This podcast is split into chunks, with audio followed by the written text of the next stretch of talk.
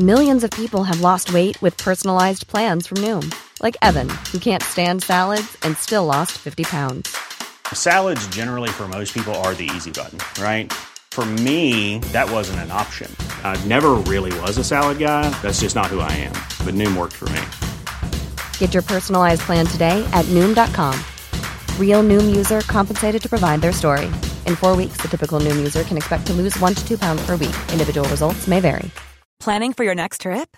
Elevate your travel style with Quince. Quince has all the jet setting essentials you'll want for your next getaway, like European linen, premium luggage options, buttery soft Italian leather bags, and so much more. And is all priced at 50 to 80% less than similar brands. Plus, Quince only works with factories that use safe and ethical manufacturing practices. Pack your bags with high-quality essentials you'll be wearing for vacations to come with Quince. Go to quince.com slash pack for free shipping and 365-day returns. Hey there, it's Michelle Norris. I'm host of a podcast called Your Mama's Kitchen. When I travel, I'm usually looking for a way to find a taste of home when I'm not at home. And one of the things I love to do when I am at home is entertain. And Airbnb allows me to do that. When I was in California recently, I rented a house that had a great kitchen. And when we were sitting around the table, we we're all thinking, we're in someone else's house. Someone could be in all of our homes as well. If you have a home, but you're not always at home, you have an Airbnb. Your home might be worth more than you think. Find out how much at airbnb.com/slash host.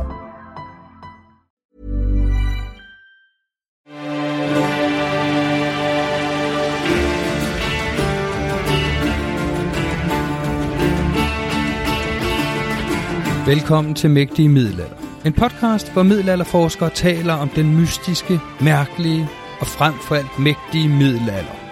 Mit navn er Thomas Hebelholm, og når jeg ikke er vært på denne podcast, er jeg lektor i historie på Syddansk Universitet.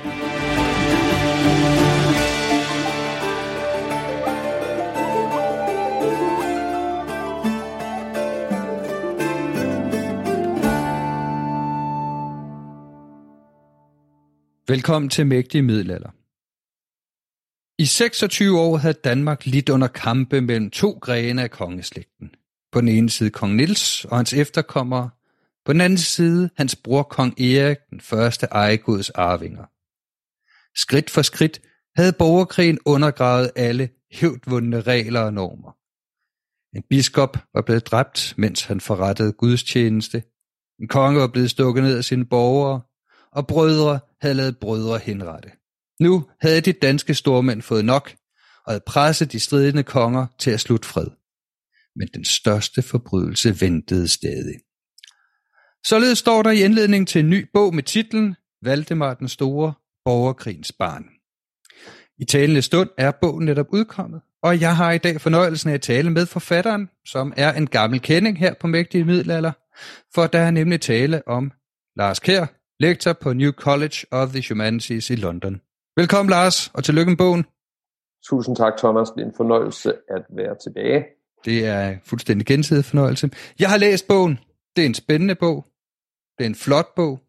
Jeg synes, den er nyskabende, og den er også lidt kontroversiel. Men Lars, kan du ikke starte med at fortælle, bogen egentlig handler om? Absolut. Øh, bogen handler om Valdemar den Store, og det er et forsøg på at følge hans liv så godt som det kan lade sig gøre i øjenhøjde, altså fra hans perspektiv. Valdemar han blev født i 1131. Han er faderløs fra fødselen. Hans far, Knud Lavard, hertug af Slesvig, er lige blevet myrdet af sine rivaler i den danske kongeslægt. Og Valdemars mor, Ingeborg, befinder sig på daværende tidspunkt i Kiv, i øh, Rusriget, og da nyheden om, at Knud han er blevet myrdet, når, når frem til hende, øh, kort efter, at hun har født Valdemar, af i januar 1131, der ser det ud til, at hun har besluttet, at det er alligevel for usikkert derhjemme i Danmark. Øh, nu, nu, nu, nu bliver jeg her i, i, i Kivriget. Og derfor får Valdemar hans underlige navn. Han får jo ikke et dansk kongenavn. Den hedder ikke Knud som sin far, eller Erik som sin øh, farfar, eller Svend eller Harald, eller hvad man nu ellers hedder den danske kongeslægt, men han bliver opkaldt efter sin oldefar på morens side, Volodymyr Monomak. Volodymyr, som jo øh, øh også er den, den der ukrainske måde at udtale navnet på, øh, Vladimir på moderne russisk, og på dansk altså Valdemar. Han tilbringer så sine første år her i Kivriget. Det er en urolig tid, hvor Kivriget øh, begynder at falde fra hinanden. Stridigheder mellem øh, forskellige grene af hans mors slægt, urikiderne. Og omkring midten af 1130'erne vender han og Ingeborg tilbage til Danmark, hvor Valdemar, nu kommer vi ind i den berømte del af, af Valdemar, sådan, det store myte, kendt fra DR's øh, Øh, historien om Danmark og, og, og så videre, hvor Valdemar han tilbringer resten af sin ungdom på Sjælland, bliver opfostret af hvide familien, bliver gode venner med øh, jævnaldrende, Absalon, den senere biskop. Så udbryder der borgerkrig igen i Danmark, og der er Valdemar, han er en af de øh, øh fremmeste deltagere i starten som øh, juniorpartner og sin fætter Svend Eriksen, øh, ham som vi normalt kalder Svend Grate, til navn han af gode grunde først får, til, får, først får efter sin død, det kommer vi tilbage til lige om et øjeblik. Øhm, og på den måde, der, der, der, forts- der kæmper Valdemar sig så op i, øh, i rækkerne for den her lidt øh, usikre start. Han bliver hertug af Slesvig med øh, Svends hjælp. Og så øh, laver han en, en, en, en ret hårdt diplomatisk skift over til Svends ærkerival Knud Magnussen, som ligefrem er, er søn af Magnus. Manden var oprindeligt slog Valdemars far ihjel. Det kan, det er ikke Knud Magnussens skyld, kunne man sige, men det er alligevel tydeligvis noget, der chokerer samtidig. Men øh, Valdemar får ret meget ud af det her skift. Nu er han rykket endnu et skridt op i, i hierarkiet, og nu øh, bliver øh, han Knuds, Magnusens medkonge, da de to øh, går sammen om at skubbe, skubbe Svend ud af riget.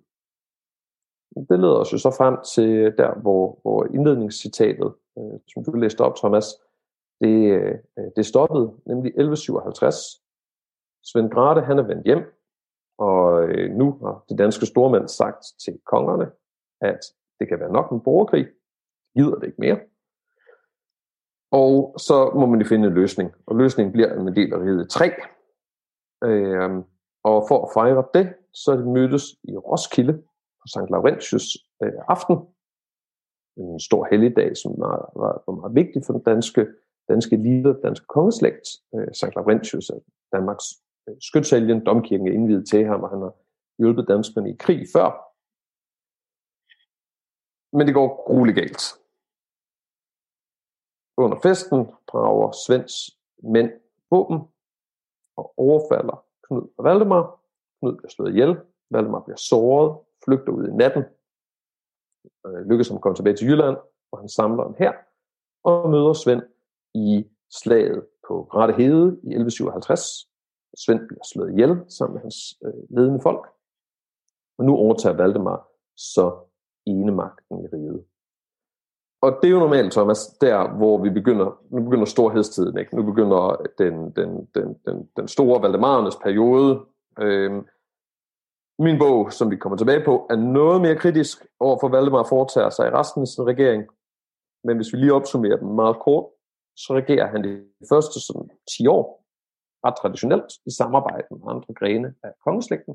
Altså her er vi i 1157 til 1167, ikke? Ja, jeg synes cirka, ikke? Nu, jeg jo. tror, jeg vil sætte skældet af 1165, øh, hvor han lærer sin treårige søn, øh, endnu en Knud, og han bliver Knud den 6. Han lader sin treårige søn hylde som medkonge, og altså arving, med støtte fra Absalom. Der foregår en blodgild. Og det her, det øh, kalder jeg jo så i bogen et, et statskup. Fordi, fordi Danmark har op til det her punkt et valgkongedømme, hvor man vælger den nye konge, når den gamle konge er død. Og ja, den lille Knud er jo også blevet valgt, men han er blevet valgt på øh, et hertogt, ikke på et af de store tingsmøder i Viborg, Lund og Ringsted. Og i øvrigt sker det her jo i praksis alle Valdemars slægtninge, hans fædre og grandfædre af for muligheden for selv at kandidere til tronen. Fra dag af, der er der er meget, meget kold luft mellem Valdemar og resten af kongeslægten. Og det er ikke nogen lille ting. Vi kan snakke mere om det senere. Men den måde, vi ofte skriver det her om, om, om striden mellem Valdemar og hans slægtninge, der får man indtryk af, at det er sådan et bare en bande utilpassede øh, store aristokrater. Det er ikke rammende for, hvad der er, der sker med Danmark efter 1165. De her folk er meget magtfulde stormænd med store netværk. Så hvad Valdemar i praksis gør, da han ligesom skærer alle dem her af, det er, at han isolerer sig til at sige, okay, jeg baserer min magt på den her lille klike, den ene slægtskring, mig og mine, øh, mine, mine sønner, og så mine venner videre i Sjælland. Resten dem, de må sejle deres egen sø. Det er her magten virkelig ligger. Og det betyder, at de næste øh, 17 år, resten af hans regeringstid, der har han ustandsligt problemer, ikke bare med andre medlemmer af kongeslægten, som han der arresterer og henrette eller øh, smide i fængsel i, i fængselsbogen Søborg, den ene efter den anden, men også med deres netværk, og det vil sige resten af den danske sådan, øh, stormands- og, og bondeelite ude i provinserne uden for Sjælland, særligt i Skåne og Jylland. Og jeg tænker måske, skal vi ikke udfolde det her ord netværk? Det ved vi yes. to godt, hvad det betyder, ikke? Men øh, for øh, lytteren, der ikke lige har siddet og beskæftiget sig middelalder professionelt de sidste 20 år, øh, er, er det måske væsentligt at, at udpege, hvad vi mener med, med netværk i en, i en middelalderlig kontekst? Helt sikkert. En, en, en rigtig god pointe, Thomas. Som et netværk, der mener vi det her sådan, øh, for os lidt, lidt, lidt, lidt fremmede. Man kunne fristes til at kalde det mafiøse, men kun hvis vi forstår, at, at, at det, det, ja, måske, det mafi, måske ligner det en mafia, men det er så også det, der holder riget sammen. Det er også det, der udgør øh, limen og ryggraden i riget. Men det, vi mener med det, er, at stormændenes magt ude i riget, det er baseret på selvfølgelig nogle økonomiske ressourcer, jord og øh, våben, øh, øh, og, og mænd, ikke? Ja. Men også på de her andre netværk, klienter, folk som skylder dem tjenester, øh, folk som øh, bor på deres jorder, som de kan kalde i krig, venner, folk som de har øh, samler omkring deres, deres brugere, som de hjælper i tid og utid, og som så også skylder dem tjenester. Og så deres slægtninge. Hvis vi tager et eksempel på, hvor magtfulde de her slægtninge kan være, så kan vi kigge på øh, to af Valdemars grandfædre, som har problemer med. Det er Knud og Karl Carlsen, som sidder oppe i Skånelandene.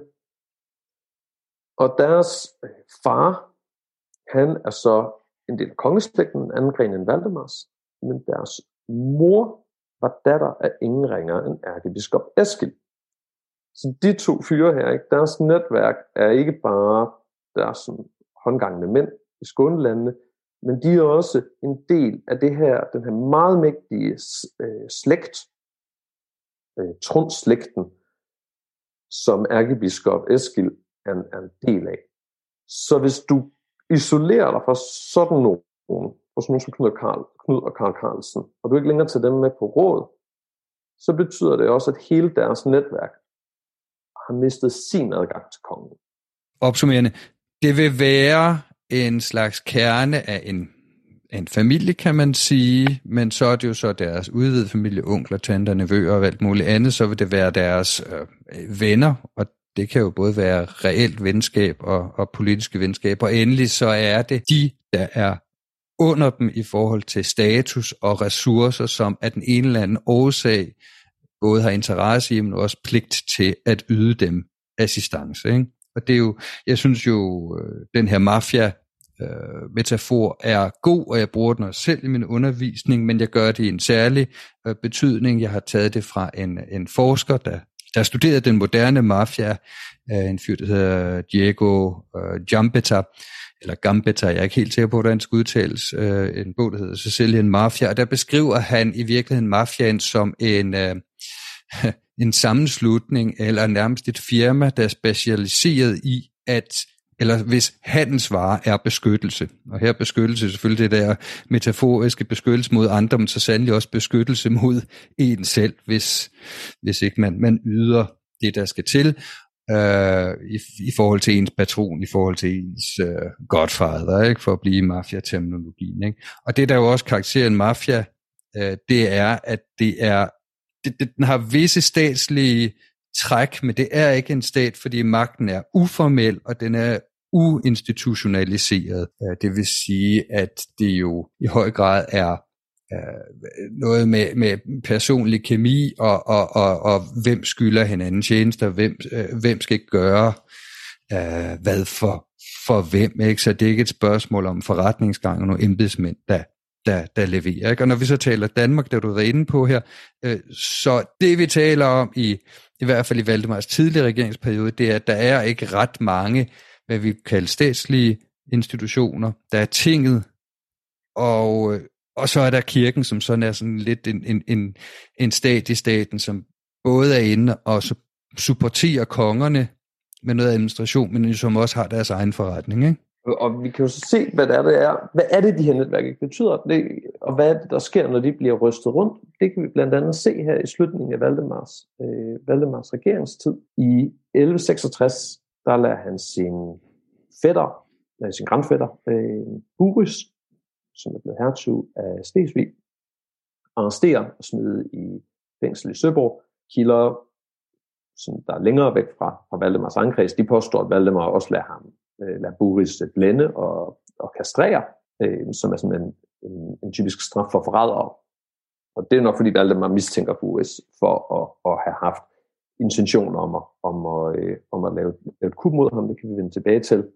Boris er jo en af dem, der så har virkelig har mistet meget ved, at den her lille knægt, den her treårige Knud, er blevet gjort til medkonge. Men fra, fra Buris, han forsvinder ind i fangekælderen der i Søborg, der har Valdemar ustandsligt problemer med jyderne. Der hører vi bare år efter år i Saxo om, hvordan jyderne de brokker sig, når de er afsted på hertog. De synes ikke, der er provianter nok. De gider ikke. De vil hjem.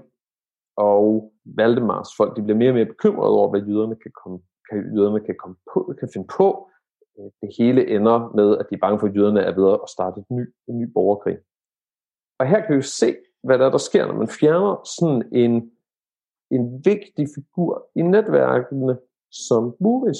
Det er, at Valdemar er måske nok konge, og det er ikke fordi, han ikke kan kalde jyderne i leding, altså i, i, sådan, i, i, i her. Det kan han godt. Han kan bare ikke sørge for, at de rent faktisk vil være engageret i projektet. Han kan ikke sikre sig, at store mænd vil sørge for at banke vrangvillige jyske bønder på plads, hvis de begynder at lave ballade. Og derfor så bliver de, er de ikke længere funktionelle. Og helt galt går det til allersidst i Valdemars regeringstid, hvor han har, han skaffet sig af blandt andet med de to øh, drenge, vi snakkede om, Knud og Karl Carlsen. Og så går han skridtet videre og får vippet deres bedstefar, Eskil, af, af pinden som ærkebiskop, og Valdemar har så indsat sin øh, fosterbror Absalon som ny ærkebiskop i Lund. Og det går fuldstændig galt. Fordi skåningene de finder sig ikke i, hvad Absalon forlanger af dem. Absalon han har kastet hele Eskils netværk på porten og erstattet det med sine sjælænder og sin egen familie videre. Der skal vi have med, hvor, altså, hvor fremmede de her lande er for hinanden. Ikke? Ja, det er jo en din pointer, men jeg tror, øh, inden vi for alvor kommer i yes. øh, den her med det skånske oprør, så er der lige et par ting, vi skal have, øh, vi skal have klar. Ikke? Fordi at du, øh, du sporer et brud omkring øh, 1165, ikke?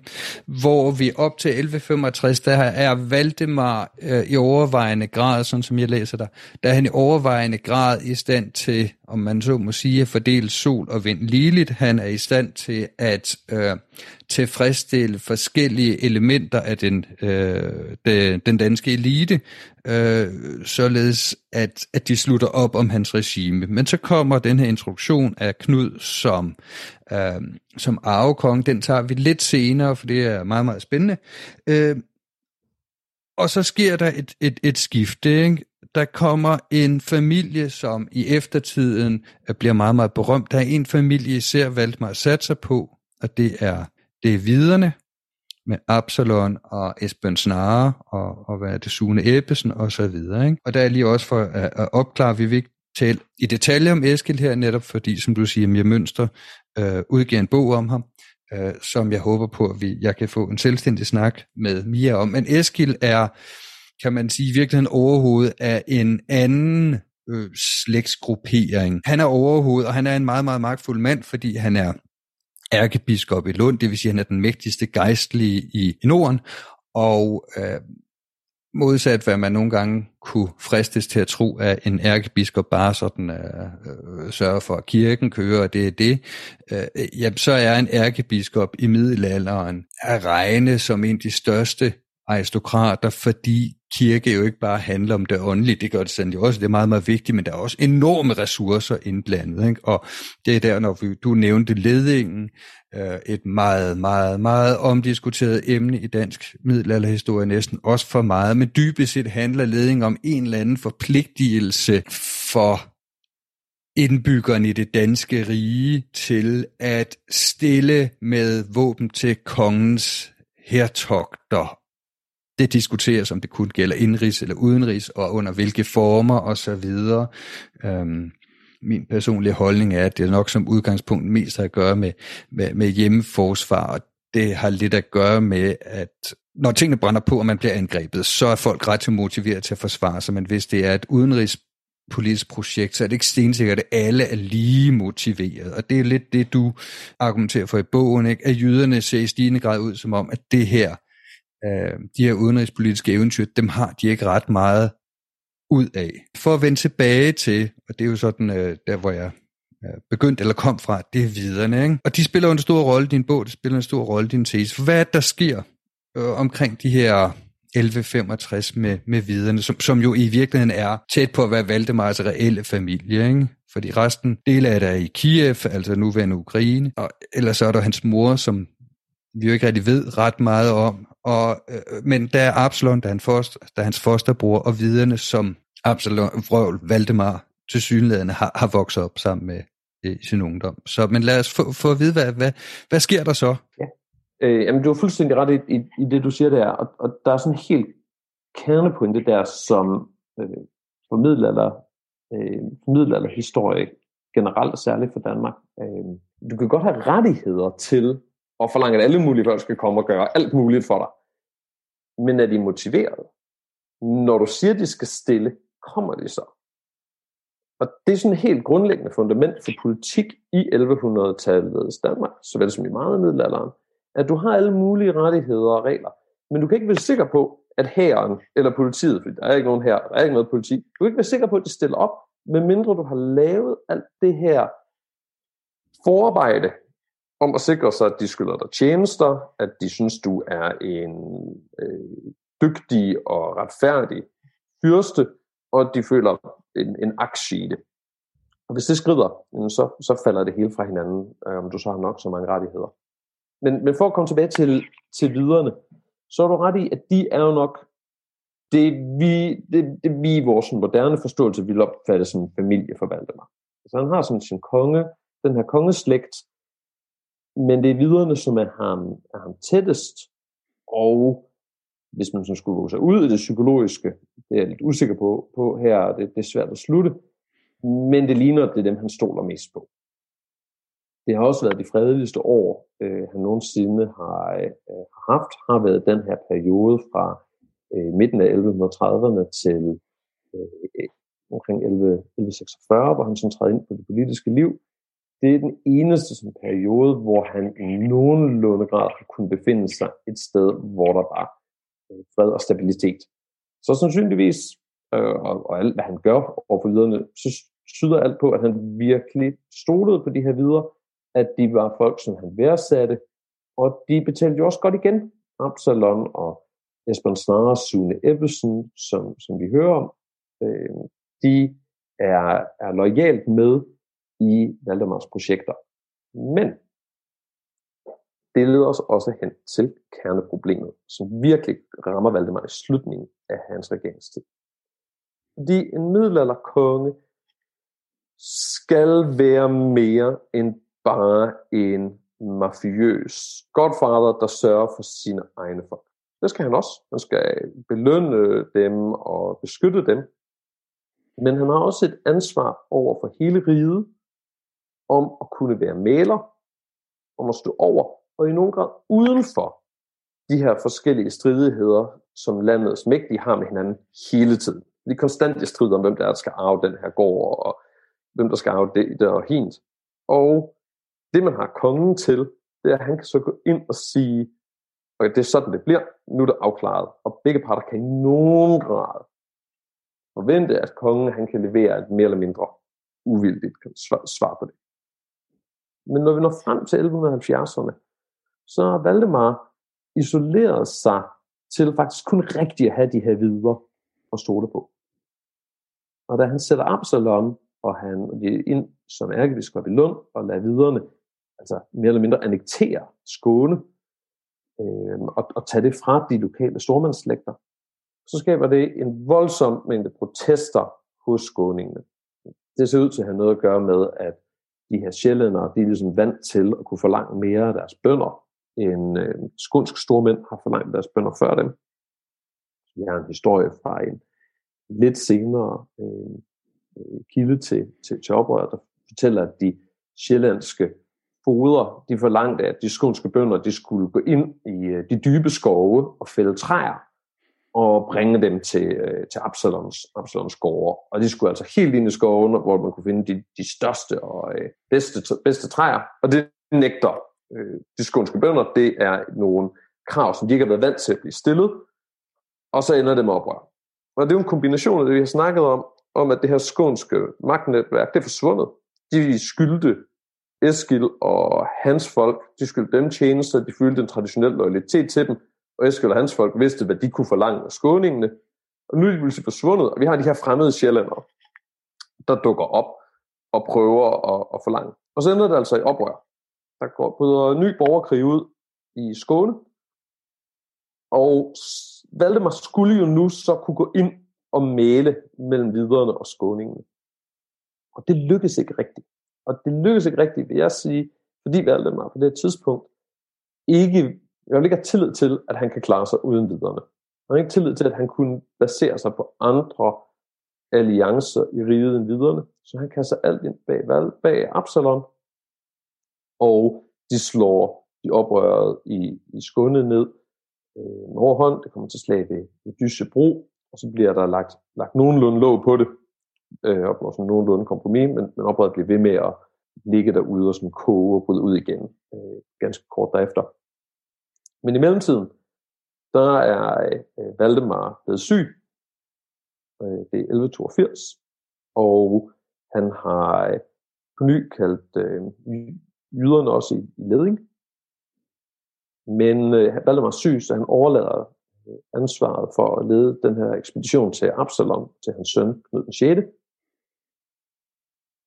Men mens de ligger nede i det sydsjællandske øhav og venter på at kunne krydse over og angribe Pommeren. Der er dårligt vejr, og så begynder jyderne at brokke sig mere og mere. Så får vi at vide af, Saxo, der skriver om det, at Knud og Absalon, de bliver så bekymrede over, over jydernes opførsel og de protester, de laver. De frygter, at jyderne vil gøre det, de også gjorde mod Knud den Hellige 100 år før. Den hellige Knud den 4., der i i øh, 1080'erne bliver dræbt af oprørske jyder, øh, der øh, flygter fra hans, hans Englandsflåde. Og så ender Knud den 6. her så med at sige, okay, nu sender vi jyderne hjem, inden det her går fuldstændig galt. Så vender de tilbage til Vordingborg, hvor Valdemar ligger syg, og han dør der i 1182, i foråret 1182. Og det jeg vil hæve det her, det er jo så en af de steder, hvor jeg, hvor, hvor, hvor jeg læser Valdemar meget anderledes, end andre historikere har gjort, det er, Valdemar han dør ikke på toppen af sin magt, i gang med at lægge grunden for et ny øh, gylden æra, Valdemarens storhedstid. Han dør faktisk på et krisetidspunkt, øh, hvor de politiske valg, han har foretaget, den her ensidige støtten til viderne, den er, nu er, er, er fundamentet her virkelig begyndt at krakelere, og vi har faktisk været på randen af en større regulær borgerkrig, hvor både jyder og skåninge har været ved at rejse sig mod Valdemar. Men så dør han, altså i virkeligheden meget belejligt, der i 1182, og det giver så Knud den 6. muligheden for at starte på en frisk. Læg lidt distance til faren, tog til Jylland på, på Viborg og øh, øh, klinkeskårene med, med jyderne.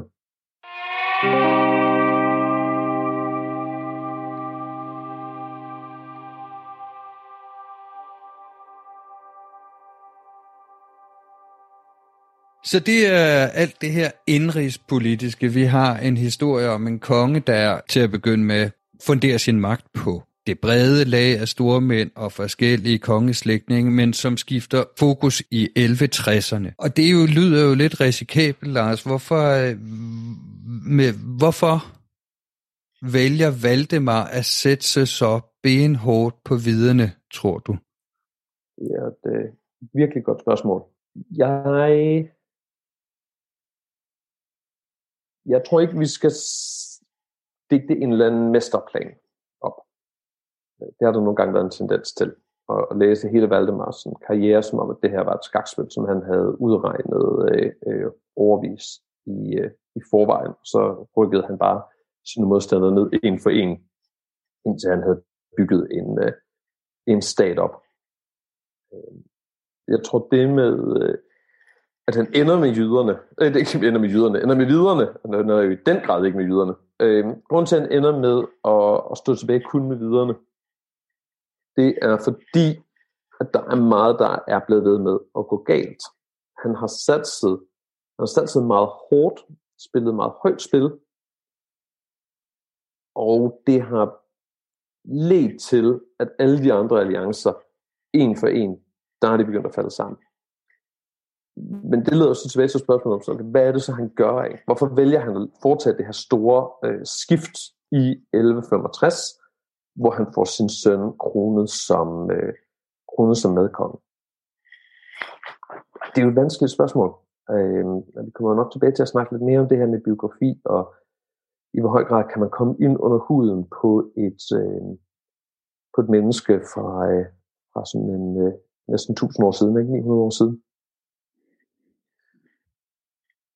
Men hvis jeg skulle give et bud, og det skal jeg jo nok. Ja, ja. Derfor du har mig herinde. Ja, det var det. Ja, så handler det om to ting. Det ene, det handler om øh, bredere udviklinger i Europa i 1100-tallet. Ja. ja 1100-tallet, det er en nyskabelsernes tid. På godt og ondt fra øh, universitetet i Paris, skolerne i Paris, hvor Valdemars rådgiver Absalon har været nede og studere, og fra kirken, der er i gang med sådan at bygge en stadig mere ordnet og retlignet øh, kristelig, kristeligt samfund, der strømmer der altså nye idéer om, hvordan verden hænger sammen, og bør hænge sammen, hvordan menneskets samfund bør hænge sammen ud. Og den helt, den allervigtigste pointe der for os i dag i vores diskussion om, om Valdemar Danmark, den handler om, at man får mindre og mindre respekt for traditioner til fordel for de her store overordnede idéer om retfærdighed, øh, lov, logiske, øh, slutning, logiske slutninger. Så helt konkret, der kan vi se det her med at sige, men hvordan kan Valdemar tro, han kan slippe afsted med at bryde med valgkongedømmets traditioner. Det handler blandt andet om, at han kan se konger rundt omkring i andre riger få kirkelig velsignelse til at gå rundt og ændre på deres egne strukturer. øh, han samtidig Henrik den anden af England, han skal til at have, have fået tilladelse til at få sin øh, søn, Henrik den unge, øh, kronet som medkonge. Det er også noget nyt i England. Oppe i Norge, der har øh, Valdemars øh, rival, øh, Erling Skakke, lige fået øh, sin søn Magnus, også et lille barn, øh, kronet som konge og salvet. Første gang nogen er blevet, øh, der har for, blevet foretaget en, en, en kirkelig øh, kroning i skandinavisk rige, og de har også fået indført et, et arvekongedømme. Så der er alle de her forandringer i gang ude omkring i verden. Alle de her nye idéer om, at jamen, hvis de, hvis de hævdvundne traditioner ikke passer med den gode kristelige orden, så må de ændres.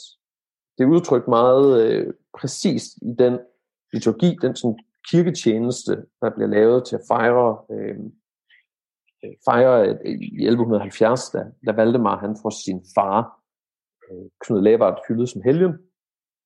Der, der synger munkene om, hvordan at øh, Knud og altså også Valdemar, de har indført øh, moderne love, tidsvarende nye love, som bringer, bringer samfundet videre.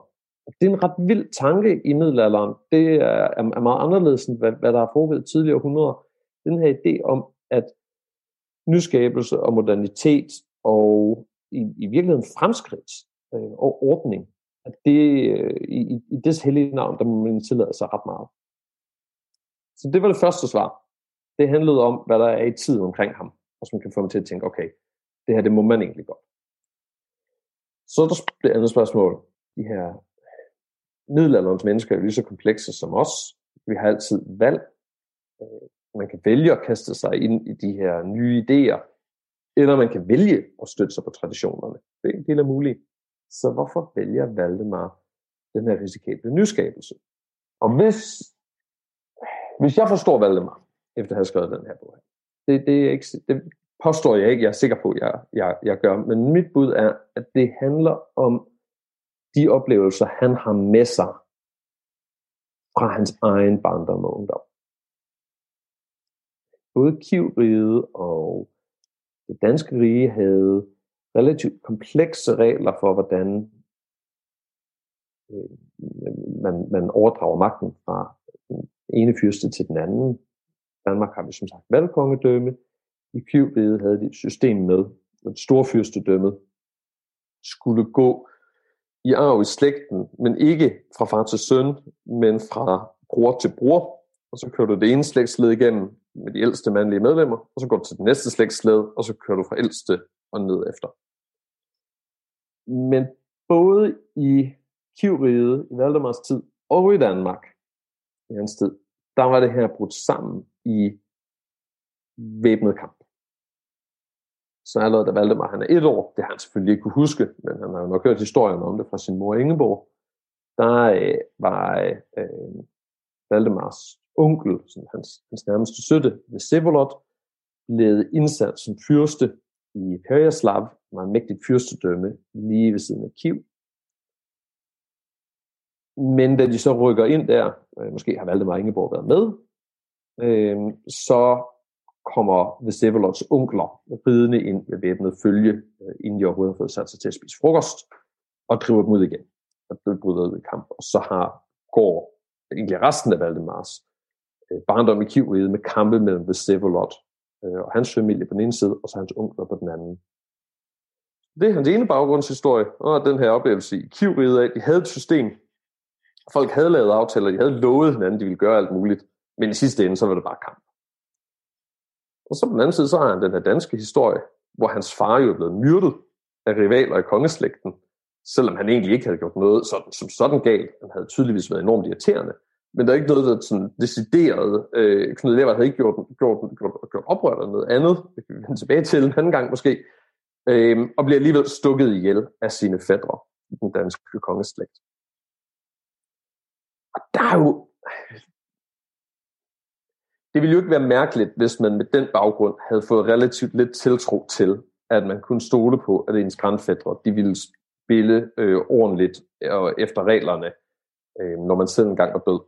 Og så kan det jo simpelthen handle om noget så almindeligt menneskeligt, som at han vil gerne sikre sin søn tronen. Han vil gerne sikre, han vil ikke stole på det her valgkongedømme, det spiller efter reglerne. Han vil sikre, at hans søn har tronen.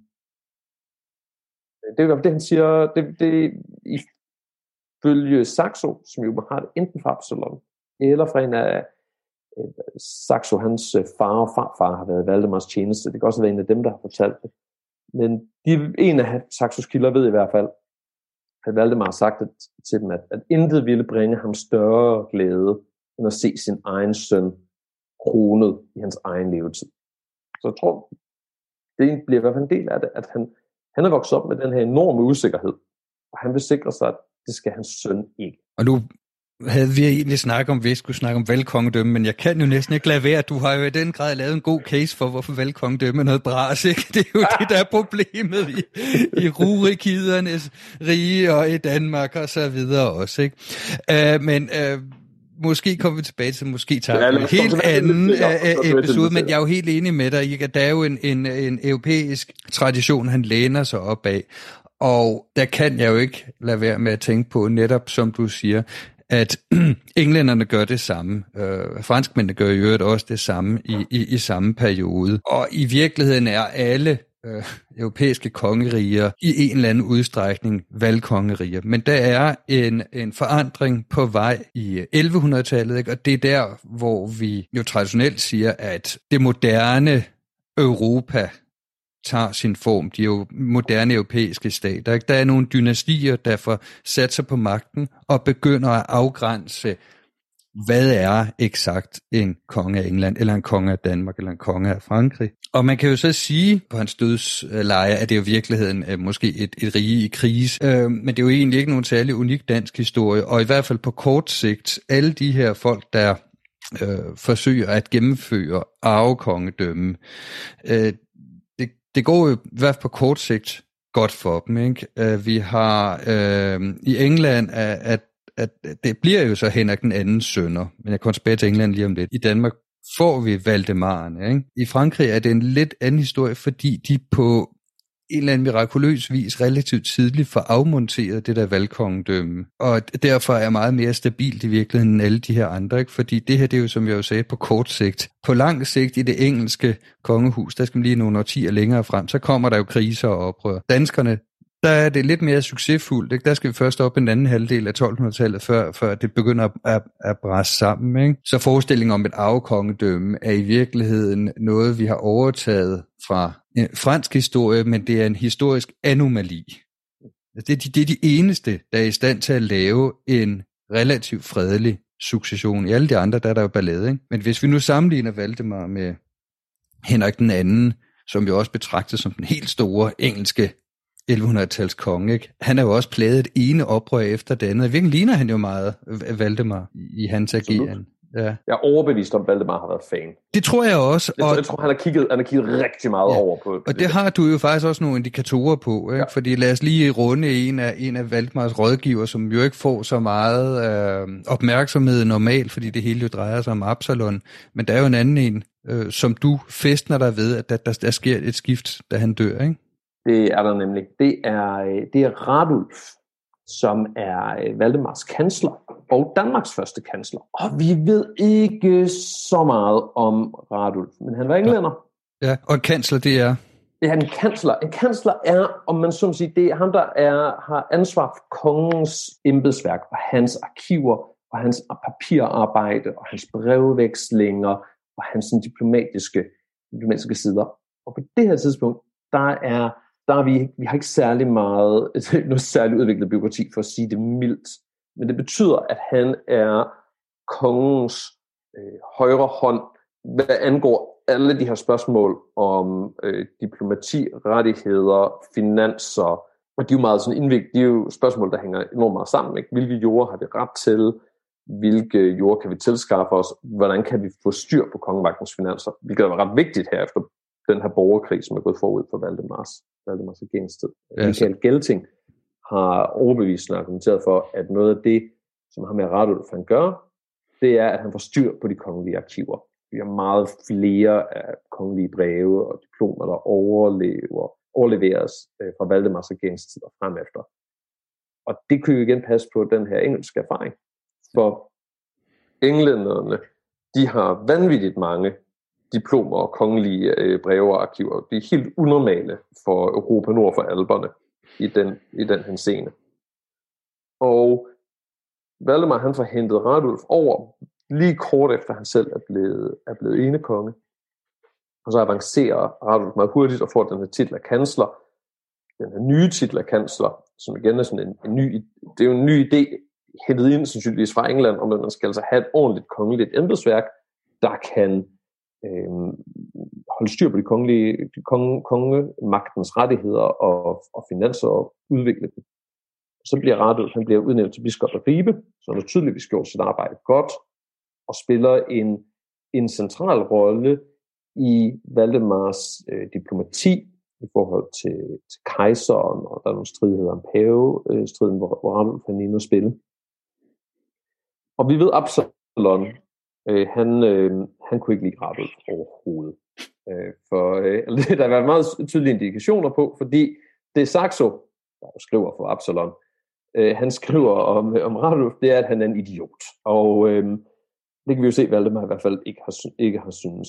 Og der tillader jeg mig at gisne om, at der har altså været lidt af en modpol mellem de her to biskop med Ribe og så øh, hvide biskop med Roskilde, hvor øh, Absalon han har jo altid haft sin egen øh, kage mele, han har haft den her hvide slægt, som han skulle, skulle styrke. Englænderen Radulf, der har kommet udefra, han har ikke haft helt så meget øh, på spil på den, øh, den led. Øh, vi, vi kender også Radulf fra et, øh, et, et rigtig spændende skrift, som, som måske en dag skal tale, tale mere om. En, øh, en, øh, en prædiken, øh, som giver os lidt af sådan et indtryk af hans øh, af det her åndelige liv.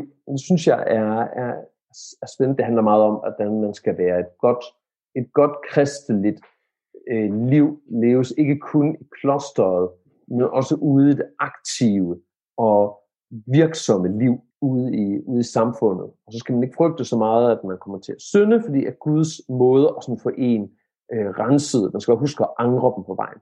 Det er, jo sådan, det er jo muligt, at det har været en, en, øh, en, del, der får sådan lidt, lidt et blik af, hvad der er, der foregår inde i, i, i Valdemars eget sådan sjæleliv. Hvad er det for nogle ting, han hører? Hvad er det for nogle ting, hans, hans trofaste rådgiver her, Radulf, øh, går og siger til ham. Men det, du spurgte mig om, det var, hvornår han, hvad der sker, efter han dør. Ja, og jeg vil måske sige, at jeg har lyst til lige at knytte en bemærkning til Radulf. Altså det her er jo en af grundene til også, at øh, kirken, øh, især i dansk historie, øh, på det her tidspunkt er så væsentlig, fordi, øh, som øh, I jo kan høre på Lars, ikke, man kan godt tage Absalon ind, og man kan også godt være gode venner med ham, og blodsbrød og alt muligt andet, men at the end of the day, så kan du risikere, at han har egne interesser, fordi han har alle mulige ejendomme og interesser i Danmark. Radulf, som kommer udefra, øh, jamen hans loyalitet går dels måske, kan man sige, på abstrakt plan mod kirken og kristenheden, og i, i en eller anden omfang paven, øh, men i særdeleshed går den til kongen, ikke? Og så leverer han netop de her funktioner, du nævner, øh, som kansler, og det her med arkiverne, og der er det bare lige øh, vigtigt at nævne, at når vi nævner arkiver i dag, så kan folk nogle gange tro, det handler om slægtsforskning det hele, ikke? Men, men arkiver er jo fuldstændig essentielle i at opbygge en stat, fordi det er dokumentation på, hvem der ejer hvad, hvornår og hvorledes, og hvad reglerne, loven i virkeligheden er. Ikke? Og, og det, det er jo også en af de markante skæld, vi ser i Danmarks historien, som, som indtræder i 1100-tallet, og i særdeleshed under øh, Valdemars styre, ikke? at vi får en, en begyndelse til en egentlig rigsadministration, hvor vi bevæger os væk fra det her med, at tingene skal debatteres og besluttes på et ting, og det er mundtlige aftaler, og her og der alle vegne, ikke? Øh, til nu er det skrevet ned, og vi har en forretningsgang, øh, og, og vi har en praksis, og det, det er sådan her, det skal køre. Ikke? Og øh, i bedste fald er det måske noget, kongen udtænker, men det bliver godkendt på tinget, men nogle gange kan man risikere, at kongen bare forsøger at køre det igennem med sine støtter, for eksempel videre. Ikke? Men det er rigtigt, det, er, det var lige sådan en, en opsamling. Det er rigtigt, hvad der så øh, sker. Altså, det, det, hvis jeg læser dig korrekt, så, så er det øh, måske virkelig lige så monumental som en anden begivenhed, vi lige skal runde øh, om lidt, øh, nemlig erobringen af Ryen, men måske det er virkelig en lige så væsentlig begivenhed, at ja, Radulf dør. Jeg ved ikke, om jeg kan gå, gå, gå helt så langt, men jeg synes, den er, den er slående. Ikke? Den, det sker i 1171, i februar 1171, øh, hvor, hvor, hvor Radulf så indsat en ny kansler osv. Men det betyder, de er med til, fordi Valdemar har allerede skilt sig af med sin nærmeste allierede i kongeslægten. Det var ham Buris, vi snakkede om. Så Buris er røget. Øh, han er allerede øh, blevet, blevet uvenner med biskop Eskil. Og nu dør Radulf. Og så er der altså ikke så mange andre tilbage end viderne, som har adgang til konger, som har kongens ører.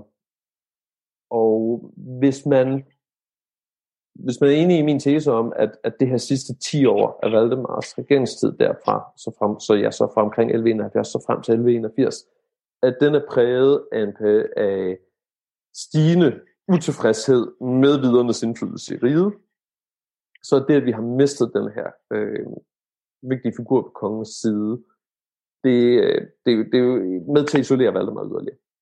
Noget af det, som øh, folk, der laver optøjer og protester mod Valdemar, de bliver ved med at brokse over, det er, at kongen han ikke tager imod råd, som, som folk gjorde i gamle dage fra store og mægtige mænd, men bare fra sådan drenge.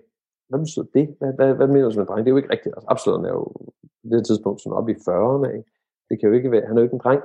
Men det er han ikke i vores forståelse. Men når man i middelalderen kalder folk for, for drenge, så handler det ikke kun om, hvor gamle de er, men også om, hvad er deres sådan, sociale position. Og Absalon er måske nok en biskop, og Aspen Snare måske nok en stor mand. Men alle ved, at de er Valdemars lojale folk. Man kunne fristes til at sige ja-siger. Det kan sagtens gøre en hel masse ud af at understrege, at de overhovedet ikke ja-siger. Men der skal vi måske lige huske, hvem arbejdsgiveren er.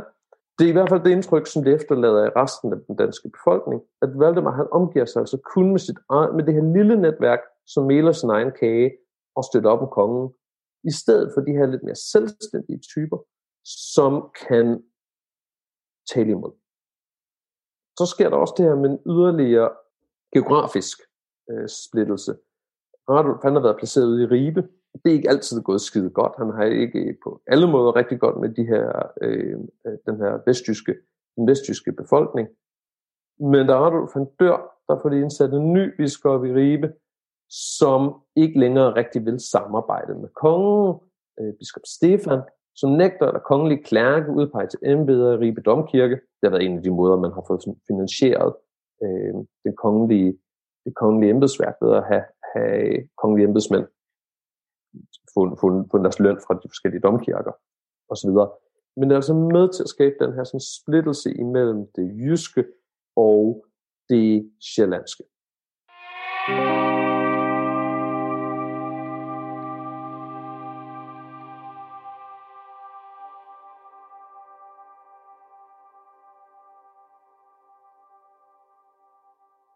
Nu har vi jo været en del rundt om det indrigspolitiske, men øh, du bruger også en del tid på det udenrigspolitiske, og der vil jeg godt begynde et andet sted, end der, hvor du øh, nødvendigvis lægger vægten. Ikke at det ikke er beskrevet, men i den brede Danmarks historie, udødeliggjort i Laurits Tuxens maleri, der har vi jo erobringen af Arkona i 1168, hvor Svantevit bliver hugget om.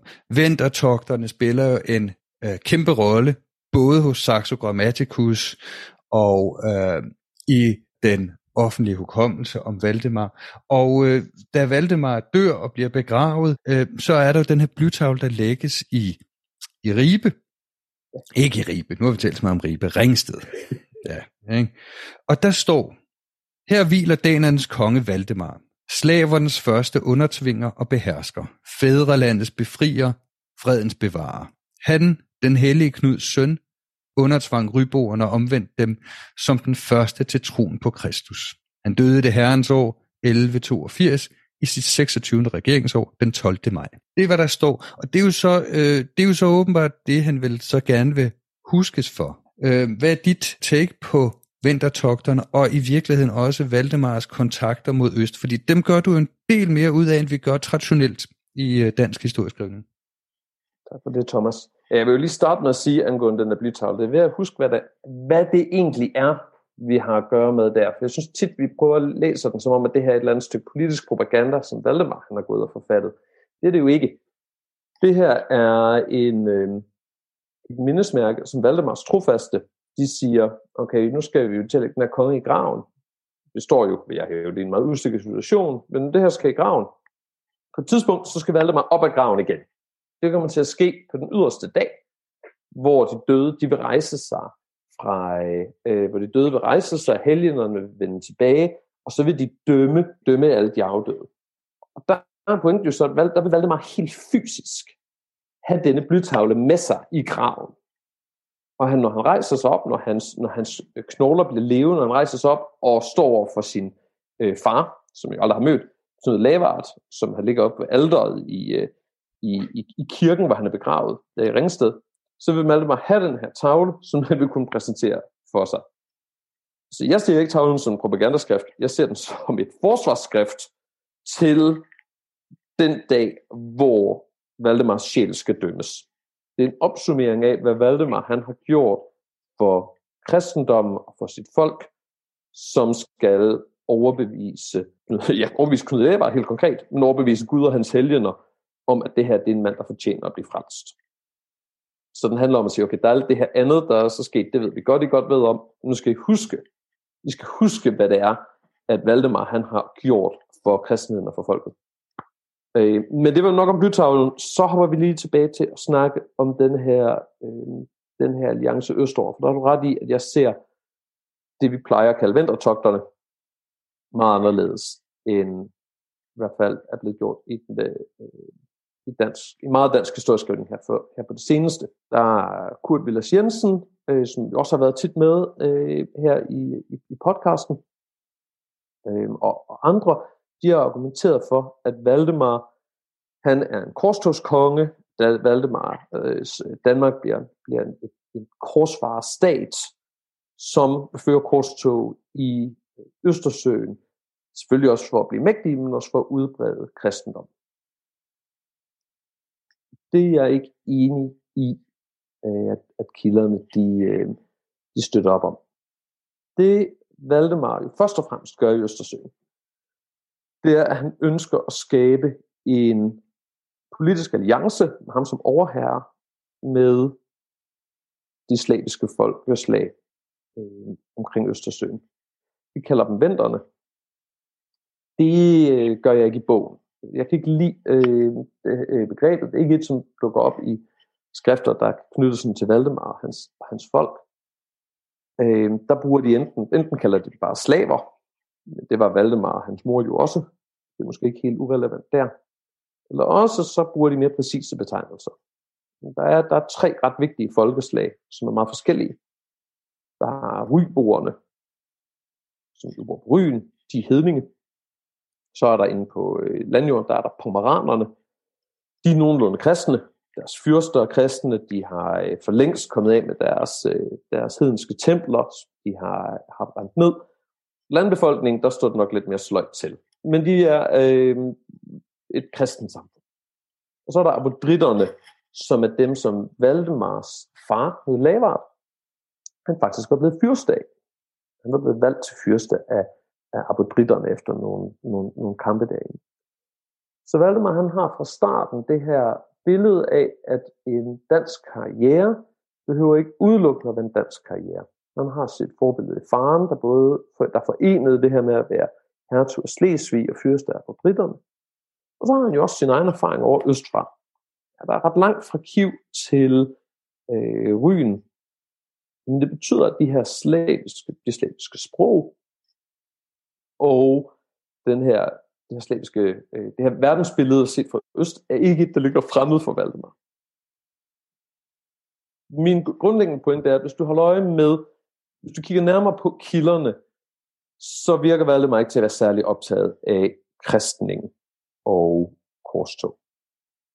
Det første øh, år af hans regeringstid, de første 11 år af hans regeringstid, op til 1168, der fører han togter for at få ryen til at underkaste sig. Det bliver til her tre togter mod, øh, øh det tre, tre år med togter mod, mod ryboerne. Og de underkaster sig, der er alle problemer med det. Men der er ikke nogen, der snakker om kristning. Der er intet, der gør, tales intet om kristning. Der tales udelukkende om politiske alliancer, om at de her ryboere, de skal stille med flåder, når Valdemar han vil ud og føre videre krig. Og det er en ret vigtig pointe i, at Valdemar han bruger lige så mange år, igen tre år, på at føre krig sammen med ryboerne. Eller for at beskytte ryboerne imod de kristne slavere, pomeranerne. Så Valdemar, han bruger så det sin første 11 år, der vil han gerne have ryen underlagt sig, men er ikke specielt optaget af, om de skal være kristne eller ej. Og han bruger så de hedenske ryboer som allierede i sin krige i Pommern. Så hvad så sker i 1168 med det her berømte det berømte billede med, øh, med, med Svantevit, øh, som jo også er blevet også er leveret forside til, til, til biografien. Men det, der sker her, vil jeg hæve det, det er, at Valdemars indenrigsproblemer har nødvendigt gjort en ny tilgang til øh, krigene i Østersøen. Hvis vi husker tilbage på, hvad vi startede med at snakke om, så havde Valdemar i 1165 fået sin treårige søn kuppet som medkonge. Så i 1166 har Buris, hans grandfætter, forsøgt sig med øh, øh, han har forsøgt sig med at lave en alliance i Tyskland hen, vendt imod, øh, vendt imod Valdemar. Og det har altså skabt voldsomme efterdønninger, som vi snakkede om de andre kongefrænder har holdt op med at deltage ved Valdemars hof. De har holdt op med at, at støtte op om ham i virkeligheden, har, har distanceret sig fra ham. I 1167, der prøver Valdemar sig med togt i Norge, og det er der, jyderne første gang begynder rigtig at brokke sig. Øh, vi ved igen fra Saxo, at, at Absalon han mistænker dem for faktisk at have oprørsplaner, at de er gang med at prøve at starte, starte øh, oprørsalliancer mod Valdemar. Så da han kommer hjem fra sit mislykkede Norgestok, er 1167, har han virkelig brug for et eller andet samlende projekt. Der har brug for noget, der kan få folk til at tænke på noget andet, end ham den blinde Buris i Søborgs fangekælder, og vaske skam af hans hænder. Og det er derfor, vil jeg hævde, at han siger, okay, nu i 1168, rybrugerne, de har lige gjort oprør igen, og de har lige igen lavet ballade. Nu må vi prøve noget nyt. Og så laver han den her meget, meget elegante diplomatiske manøvre, som er gået fuldstændig i glemmebogen i, øh, hvad du meget rigtigt kalder den her sådan, nationale fortælling om, om Arkona. Som at Valdemar, han henvender sig til sine gamle fjender, de kristne slaver i Pommern og i, øh, og, øh, i Mecklenburg, og siger, vil I ikke være med til at føre hellig krig mod ryborerne? Mine gamle allierede, som jeg førte krig sammen med imod jer, men lad os nu slutte sammen imod dem, de her fæle hedninge. Og det siger pomeranerne og øh, i Mecklenburg, det siger de ja til. Så er det altså en dansk slavisk her. Det glemmer vi altid. Det er en dansk slavisk her, en dansk vendisk her, der går i land i Ryen. Lægger Arkona under belejring. Og da der så udbryder brand i Arkonas forsvarsværker, så er det altså ikke danskerne, der går frem for at afgøre sagen. Det er pomeranerne, der leder et angreb på porten, der forhindrer uiborerne i at slukke den. Og så kommer vi til måske den næst vigtigste pointe her om det. Ryen bliver altså ikke erobret. Det bliver kone heller ikke. Der foregår ikke nogen erobring. Der foregår en forhandlingsfred. Der er øh, udbrudt brand i forsvarsværkerne i Arkona, og så går ryboerne til Valdemar og siger, kan vi ikke forhandle om nogle vilkår? Og så laver Valdemar endnu en diplomatisk kovending. Det går virkelig hurtigt. Det er sådan ren Kissinger, det her. Så siger Valdemar, jo, det kan vi sagtens. I skal være kristne nu, og vi skal af med de der afgudstøtter.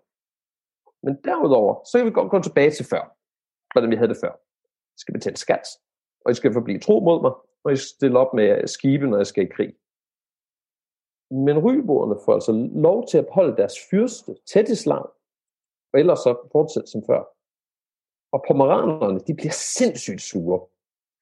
De mente selv, de havde krav på ryen, de havde som slægtsforbindelser der. Og hvor i øvrigt, så var de jo gået i krig for det her Fordi de regnede med, at vi nu skulle føre en hellig krig, der ledte til en egentlig øh, forandring af, hvad der foregik på ryen. Ikke bare en eller anden overfladisk kristning. Ikke, ikke blot en kristning, men, men de ville komme af med den her piratstat, som de har haft så mange problemer med. Så da Valdemar han siger, nej, nej, Tætteslav, han kan få lov at blive siddende så bliver pomeranerne meget, meget vrede og drager, drager hjem og, og bruger så jo de næste år på, på plyndre danskerne med sådan fornyet, fornyet vrede, nu, nu opildnet af den her, det her raseri over, hvad der for dem må have oplevet som et svigt. Men hvad Valdemar han opnår på Ryen, det er i virkeligheden mere imponerende end den der nationale fortælling om den, den, den heldemodige danske erobring. Den er ikke mindre sådan, sådan national dramatisk. Men det Valdemar får skabt på Ryen er en effektiv alliance, som fortsætter det næste århundrede, hvor ryboer og danskere, de kæmper altså lojalt side om side i skabelsen af det her såkaldt danske Østersøimperium. Som man så måske virkelig kunne være fristet til at kalde det Valdemarske Østersøimperium. kalde det det. Ja, og det, det, det er der jo også nogen, der, der gør, ja. øh, vil jeg sige. Ja, det er rigtigt nok. En dristig tese, Lars. Bryder jo i hvert fald med de sidste 20 års fremstilling af ventertogterne som, som korstog.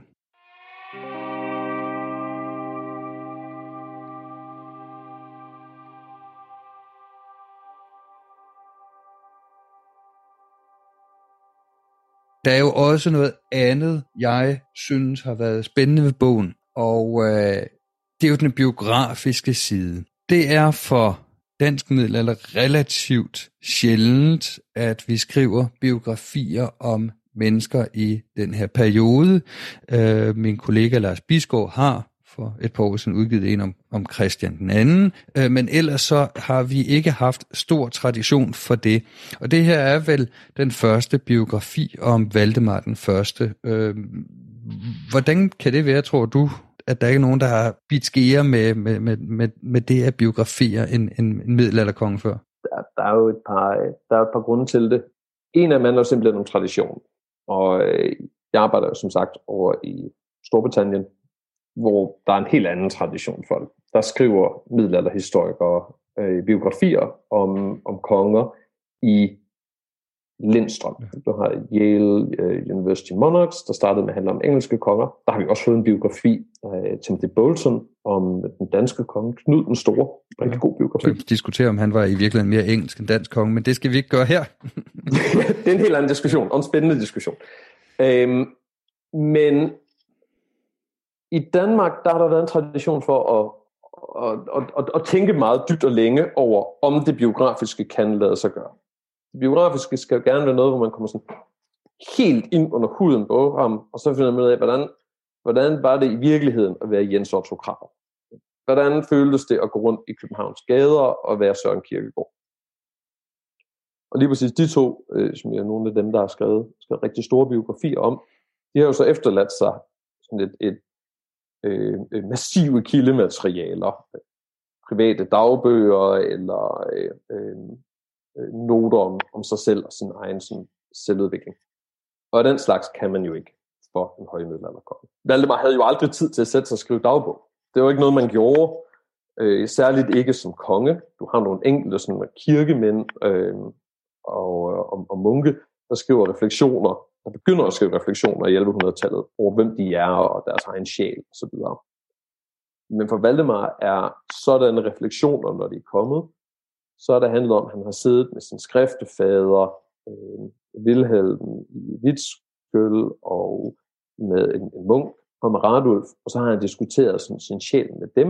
Han har aldrig haft det her privatliv, hvor han har kunnet sidde og formulere sig om sig selv og sine egne dybe, dybe refleksioner. Så du kommer aldrig til at skrive en biografi af den slags. Det er også derfor, jeg har sagt i biografien her, at det jeg gør, er at skrive den i øjenhøjde. Skriv den ikke indefra det kan jeg ikke komme til. Jeg kommer aldrig ind i, jeg kan ikke, jeg kan ikke hidkalde Valdemars sjæl. Jeg kan komme med nogle gissninger, baseret på at have fulgt ham fra barndommen.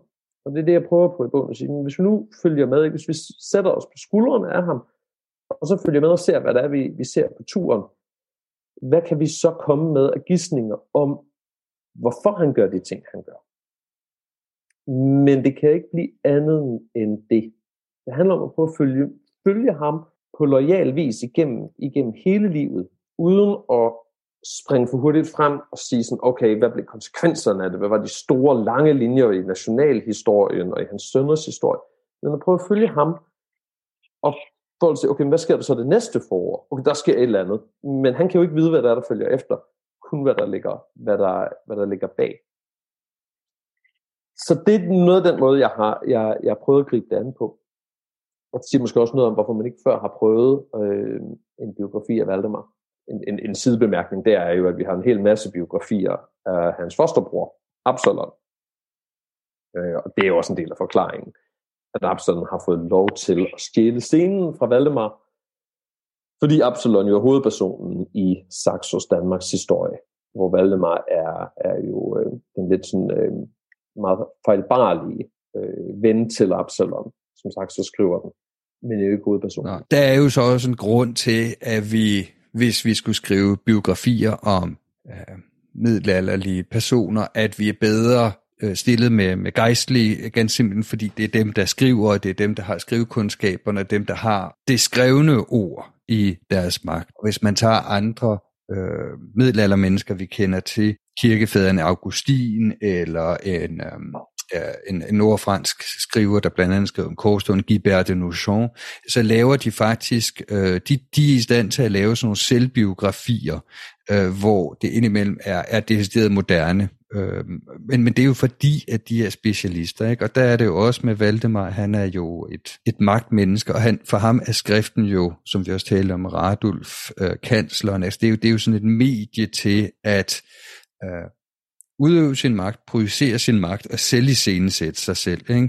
Øhm, han er ikke ude på, at du får at vide, hvad han sidder og tænker på, da han gik i seng om aftenen, eller, eller hvad han tænker på, når han går på toilettet, eller hvad ved jeg. Så, så, altså sådan, noget, mhm. sådan nogle intime detaljer det vil vi jo kun få, hvis det har en eller anden funktion i, i, i, i selvbilledet. Ikke? Altså nu nævnte du Saxo. Saxo nævner jo indimellem blandt andet både Absalons, men også Valdemars drømme. Ikke? Øh, og det har ikke ret meget at gøre med, med drømme, sådan som vi opfatter dem. Det er, det er en genrekonvention, som i virkeligheden, altså drømme er ofte en eller anden måde, hvor på Gud eller andre er i gang med at, at, at give en besked.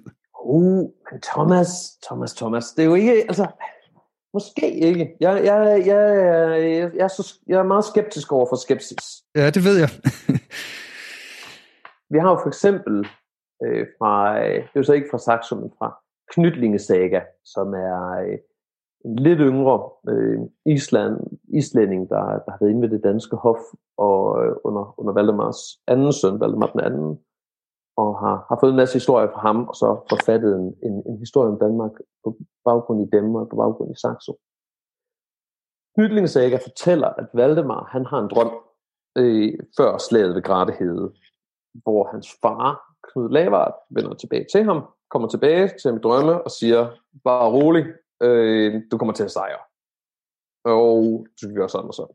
Og der, som historiker, der er man jo, tager man jo lynhurtigt så er skepsisen, den er, ligger lige ved højre hånd. Det er, en genre, det er genre, det skal ske, og øh, hvis det overhovedet er sket, så er det bare ren propaganda. Men de her mennesker levede jo i den samme tankeverden, som der er blevet skrevet i. Altså Saxo og Knytlingesaga. Der er ikke noget diametralt skæld imellem det her tankeverden, som man skriver i middelalderen, og den tankeverden, man går rundt og agerer i. Så hvis man er vant til at læse, eller få læst op historier om, at der kommer drømme, de hellige kommer til en med drømme, så er det jo ikke usandsynligt, at hvis man så ligger urolig natten før et slag og tænker, hold da kæft mand, det, det, går, det går jo forfærdeligt galt. Svend har aldrig tabt et slag, det her bliver noget værre noget. At man så kunne komme til at drømme om sin far. Sin hellige far, og at han ville komme tilbage med nogle, med nogle råd. Det kan jo aldrig vide. Jeg kan jo aldrig vide om Valdemar, han har drømt om Knud Lavard. Men det er også friskt at afvise den med det samme, bare fordi vi kan se, hvordan drømmen bliver benyttet politisk og bliver benyttet retorisk af historiefortællerne. Ja, det er jo så her, hvor, hvor man kan, sådan kan mærke brudfladerne. Der er jeg jo nok mere den konservative historiker. Jeg, jeg afviser bestemt ikke, at man kan drømme om alverdens ting, som du selv sagde. Det kunne man jo det kan vi jo ikke vide, men jeg bliver urolig, når vi har konventioner, og det, øh, altså genrekonventioner, og det indtræffer på det rigtige tidspunkt og formuleret på den rette vis. Øh, ja, det kan da godt være, at de har øh, drømt om, om, om, om dette og hint, men øh, i, i fortællingen, der passer det med godt i forhold til, hvor vi skal hen. Ikke? Og alt det her, det jo, øh, leder jo også til, til et sted, hvor at øh, i vores diskussion, øh, hvor vi jo kommer til en af de svære punkter i din bog, det er, at du er meget afhængig af, af Saxos krønike til at danne dit skelet, øh, når du skriver bogen. Og det er jo også sådan lidt det her, hvor vi... Øh, hvor din, din approach kommer ud i et farvand, hvor du skal manøvrere, at du korrekt siger, at Valdemar kan ikke vide, hvad der sker i morgen, men problemet er, at for eksempel Saxo er skrevet i morgen. Ikke? Så det er jo ja. det her med, hvor, hvor de mødes. Ikke? Øh, og, og hvis man arbejder med, med, med Valdemar, der er øh, Saxo, det er et grundvilkår. Ikke også? Øh, og du har så også brugt den her knytningesaga, som jo er interessant. Øh, den er jo nedskrevet i Øh, 1250'erne, som du også selv skriver, men øh, der er der dele af det, som må komme fra selvstændige kilder, ikke? Men, men den er jo suspekt, når den er, den er så langt fra. Ikke? Så du har, du har været i et, i et større arbejde med, med, med, med kilderne i forhold til narrativen, og hvordan har du øh, øh, grebet det an, at du er afhængig af Saxo, og omvendt, at du gerne vil skrive en biografi, som jo så ikke er Saxo? Øhm, så, så hvordan, øh, hvordan har du gået til det, at dit kronvidne er på flere planer end, øh, en, jeg vil ikke kalde han upålidelig kilde, men jeg vil sige, at han er en med, med særlige interesser. Ikke? Vi vil godt her på podcasten aflive øh, myten om, at Saxo er ren løgn af latin. Det er han ikke, ja. men, han, han, men han spinder. Han er spindoktor. Det gør han. Så, så hvad har du han. gjort ved det? Det handler om at sige, hvad, hvad er det, det her vidne kan bruges til? Det er jo en af sådan vores hovedsætninger, vores metodiske hovedsætninger, som vi skal, skal banke ind i, i hovederne med. Med al respekt, nu ved jeg godt, vi har mange studerende, øh, der, der lyttede til mm. den, øh, og det, det er en stor fornøjelse at banke den her pointe ind i, i, i hovederne på, på førsteårsstuderende. Men den vigtige pointe er, du kan ikke bare afvise en kilde, fordi at den, som de siger over i England, at den er biased at den har nogen, som den, den holder, holder mest med. Du kan ikke bare, og i ikke i middelalderhistorie, fordi så kan vi lige så godt lukke butikken og gå hjem. Du er nødt til at sige, okay, vi ved, at den her kilde, den har nogle styrker, den har også nogle svagheder. Hvor ligger de hen? Og der handler det om at se på, hvad, hvad er det egentlig Saxo, han har skrevet. Men det, der ligger som kernen i Saxos øh, fortælling, det er denne her meget, meget store samtidshistoriske afsnit, som handler om Valdemars regeringstid, og særligt om, hvad Absalon han laver i løbet af det. Vi ved, det er Absalon, der får sat Saxo til at skrive den, og det foregår, øh, det begynder sandsynligvis her i 1180'erne, og værket er så sikkert afsluttet omkring 1208, som Lars, Lars Borg Mortensen var inde og, og, og fortælle i podcasten tidligere. Men hvad er det så at skrive sådan en samtidshistorie i 1180'erne? Hvad er vilkårene, man skal arbejde, arbejde under? Saxo har tydeligvis fået nogle, nogle, nogle ret klare øh, linjer fra Absalon. Det har blandt andet handlet om, at Absalon selv skulle fremstilles godt. Øh, det har Absalon nok ikke brug for at behøve at sige. Det har nok ligget øh, ligget mellem linjerne. Desuden har han været hovedvidnet til, til Saxo. Men der gøres rigtig meget ud af at fremstille, hvor god en mand Absalon har været. Særligt øh, kan man holde øje med også øh, stillhederne i Saxos fortælling. Absalon, han er, du går, er altid på scenen, når der skal smadres slaviske sørøvere, men når kongefrænder de bliver øh, anklaget og smidt vængsel, så er sagt Absalon enten ikke til stede, eller også så er han den, der prøver at skabe fred. Han er maleren, Han, er en, han holder med. Han prøver, prøver at passe de her kongefamilier, og sørge for det ikke går så galt, og de kan alle sammen så godt lide ham. Og det stikker så lidt ud, fordi jeg vi også ved, at Absalon og viderne er dem, der profiterer mest på det her store opgør. Jo særligt den ærkebiskop Eskild. Det var Absalon, der overtager positionen. Det er der, hvor Saxo går ind decideret lyver. som øh, øh, Kurt Weibel øh, viste så godt tilbage sådan den store svenske øh, middelalder. En, en af de to, de to brødre, Laurits Kurt Weigel, viste så godt i begyndelsen af 1900-tallet, det er, at Saxo han lyver øh, i sin samtidshistorie på nogle enkelte punkter. Særligt dem, der drejer sig om den danske kirkes øh, forhold. Det drejer sig om, når Absalon bliver indsat som ærkebiskop i Lund, og hvordan det foregår, og om forholdet til øh, de tyske kejsere, som Valdemar, Valdemar havde loyalitet til kejseren Frederik Barbarossa, og til kejserens pave, som Valdemar har anerkendt. Det er en pinlig situation for, øh, for Saxo, fordi det viste sig, at det var den anden pave, der, der vandt. Det behøver vi ikke komme ind på her nu. Så vi skal være klar over, at han lyver en gang imellem. Men hvad med resten? Der her læner jeg mig op af øh, historikeren Erik Christiansen, en af vores rigtig store, ikke, ikke en øh, store saxohistoriker, som ikke er nok kendt den danske øh, historieskrivning. Han var ved Oxford Universitet og udgav den her øh, enormt lærte saxooversættelse med, med et stort noteapparat, hvor han simpelthen går episoderne igennem i, i, i detaljer og prøver at passe dem ind kronologisk og sammenligner dem med andre, med andre kilder. Og det, der kommer ud af Christiansens værker, det er, at man får, man får indtryk af, at Saxo, han, øh, som, som Christiansen siger, han lyver, men han lyver forsigtigt.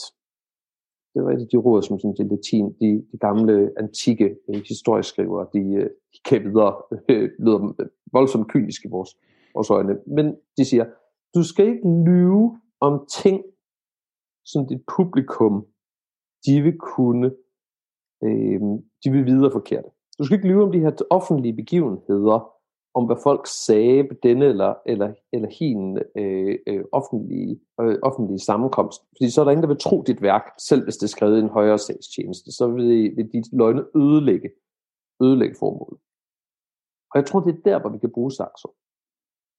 Vi ved godt, han skrev med formål at vise, at Absalon han var fantastisk vidunderlig. Men for at det kan virke, så er Saxo nødt til at skrive så realistisk, som han overhovedet kan slippe af sted med. Under forudsætning at Absalon han, han øh, bliver vel fremstillet. Derfor er Saxo både i detaljen og i det overordnede kronologiske format, der er der faktisk nogenlunde, nogenlunde autenticitet i det. Han bryder kun enkelte gange, når sådan Absalon er i, er, er i spil. Der kan, skal man virkelig passe på med Saxo. Øh, det er også derfor, jeg mener, at Saxo er virkeligheden en bedre kilde til Valdemar, end den er til Absalon. Fordi at, at Absalon-portrættet er så omhyggeligt formet. Men når det gælder alt det andet, så har, prøver Saxo i virkeligheden at ramme det så præcist som muligt, for at fortællingen er, kan være så overbevisende som muligt. En anden pointe handler om, hvornår han skriver. Han skriver i begyndte at skrive i 1180'erne. Valdemar han er lige død, der har lige været den her kæmpe, øh, den her kæmpe opgør. Og nu har Knud altså sat en ny linje. Og der er noget, der tyder på, at det er en periode i Danmark, hvor der gives en vis frirum til, at man kan godt tale kritisk om Valdemar. Hvis du har arvet en, en lidt vanskelig situation, så lægger du distance til forgængeren. Også selv hvis han bare var din far. Du har det i Frankeriget, hvor Ludvig den Hellige lægger distance til Karl den Store og siger, ja, puh, han er sgu sådan lidt en problematisk, er sgu lidt en problematisk størrelse. Nu, bliver der, nu er der nye linjer med mig. Jeg tror, Knud han laver nogenlunde det samme. Blandt derfor, han hiver Svend Akkesen, Saxos øh, kollega, ind. Svend Akkesen, han er en efterkommer af den her trundslægt, som Valdemar har tæsket rundt. Nu kommer han pludselig ind i varmen i hoffet, hænger ud med, med, med Knuds mor, dronning Sofia, og skriver værker for Absalon og, øh, og, og Knud om, om fred og orden og samarbejde ved, ved hoffet. Det er alt sammen politiske signaler, hvor med Knud siger sådan, det er nye tider. Det er nye tider, hvor der er fred og ro og orden. Min far var en mægtig mand, men en fejlbarlig mand. Øh, Svend Akkelsen skriver øh, om, om Valdemar, der var hygisk og stærk og alt muligt, og så slutter han af med det her den her øh, sætning, han siger, desværre var han for grusom mod sine egne. som er en voldsom kritik af en konge. Det er den, det er det sådan politiske rum, at Saxo han skriver. Han skriver en periode, hvor det egentlig er meget politisk brugbart, med sådan en, en, en afbalanceret fremstilling af Valdemar. Ikke, hvor det som kongemagten, hvor det er ikke sådan en helgenkåring af Valdemar. Og derfor er det ikke en helgenkåring af Valdemar, vi finder i Saxo. Han er meget fejlbarlig. Men der er behov for sådan en, en afbalanceret gennemgang af regeringsmagten, hvor selv Absalon så øh, kan fritages for meddelagtighed i øh, de, de begåede synder, men hvor man kan sådan sige, okay, se, vi har ligesom delt sol og vind lige. Det her, hvad vi når frem til om, omkring kongen. Det er været sådan en kernetilgang til Saxo. Ja, det er jo endnu en dristig tilgang, må jeg sige, og der er noget her, der ikke er dækket i bogen, uh, så det er sådan lidt bonusinfo til lytteren, ja. uh, og det er også en af de her steder, hvor jeg også kan mærke, at vi to ikke, uh, nok ikke bliver helt enige, men det er kun godt, fordi at lige præcis Saxo er jo et helt, helt, helt separat og kæmpe forskningsfelt for os, der er sådan Saxo-nørder, og Forhåbentlig næste år håber jeg på, øh, udgiver jeg og Lars Bøje Mortensen som redaktører, og Lars Kjær en af de mange bidrag yder en, en companion to Saxo Grammaticus, hvor vi netop diskuterer de her mange, mange, mange aspekter af Saxo, uden at blive færdige. Biografien er skrevet, fordi jeg sad herovre i England under, under, under covid-krisen og savnede mine venner derhjemme, og jeg tænkte, okay, vi har, vi har, har tit sådan rige og dybe diskussioner om middelalderen og så videre, Øh, nu skriver jeg en bog, som også kan, kan, kan øh, appellere, til, appellere til dem af dem, som ikke er i, er, i, er i universitetet, og som de vil synes, det er interessant at være og, og, og læse op og deltage, deltage i. Øh, men når man skriver det, så kan, skal man diskutere kilder, men den der med at tage sådan hele forskningslitteraturen ind og gennem, gennemgå, ja. det, det, det, øh, det appellerer ikke Øh, det kan, og så er det jo rart, at vi har det her medie i podcasten, hvor vi faktisk kan få lov til at, at komme ud med øh, vores, vores tolkning og vores metodiske overvejelser og, og uenigheder. Nemlig. Ja, for det er jo det, ikke? At det er, og det er her, hvor, hvor vi lige frem på, på Saxo Studio, tror jeg, er forskellige skoler, hvor jeg hælder mere til det, sådan en, en, en, en, en, en, en kristen øh, symbolsk læsning af meget af det. Øhm, og jeg tror på, at de komplementerer hinanden. Det er derfor, at det er så velkomment med den her bog. Og øh, ja, lytter, nu er I også blevet lukket ind i, hvordan det kan lyde nogle gange sådan i afdæmpet form, når vi diskuterer det her. Normalt plejer det at være rigtig, rigtig godt og grundigt agiteret, og det er altså også kun godt. Som afrunder her, Lars, der kan jeg kun sige, det var en fornøjelse at tale med dig, det var en fornøjelse at læse bogen, og jeg kan varmt anbefale den til alle derude. Det er en øh, velskrevet, flydende fortælling, så enhver, der er bange for, at det er en mur af fodnoter, øh, øh, øh skal ikke frygte noget. Den her bog, den her bog er en rollercoaster, øh, og der er, som også kunne høre på, på vores samtale, der er mange nye, dristige øh, teser, som vi forhåbentlig vil diskutere, og som vil, vil, vil ændre, eller i hvert fald udfordre vores billede af Valdemar. Så jeg kan kun anbefale, at I går ud og køber den. I talende stund vil den være udkommet. Det er Gads forlag, der har udgivet den. Og med de ord vil jeg sige mange tak, for at du vil være med, Lars, og jeg vil håbe, at der kommer godt gang i, i salget af den her bog, og at øh, og så ses vi snart igen på podcasten. Det kan vi i hvert fald, Thomas. Det har været en stor fornøjelse at få lov til at tale om bogen og, og overvejelserne i, uh, i den forbindelse. Mm. Mange tak.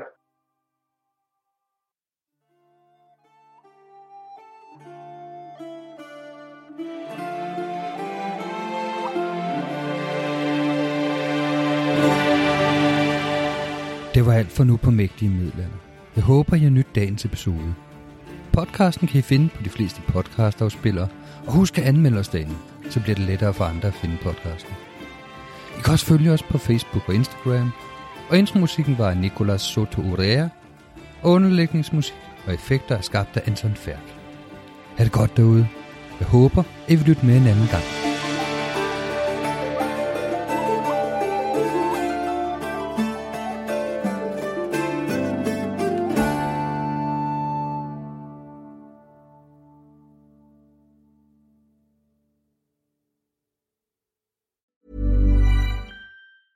Planning for your next trip? Elevate your travel style with Quince. Quince has all the jet setting essentials you'll want for your next getaway, like European linen, premium luggage options, buttery soft Italian leather bags, and so much more. And is all priced at 50 to 80% less than similar brands. Plus, Quince only works with factories that use safe and ethical manufacturing practices. Pack your bags with high-quality essentials you'll be wearing for vacations to come with Quince. Go to quince.com slash pack for free shipping and 365-day returns.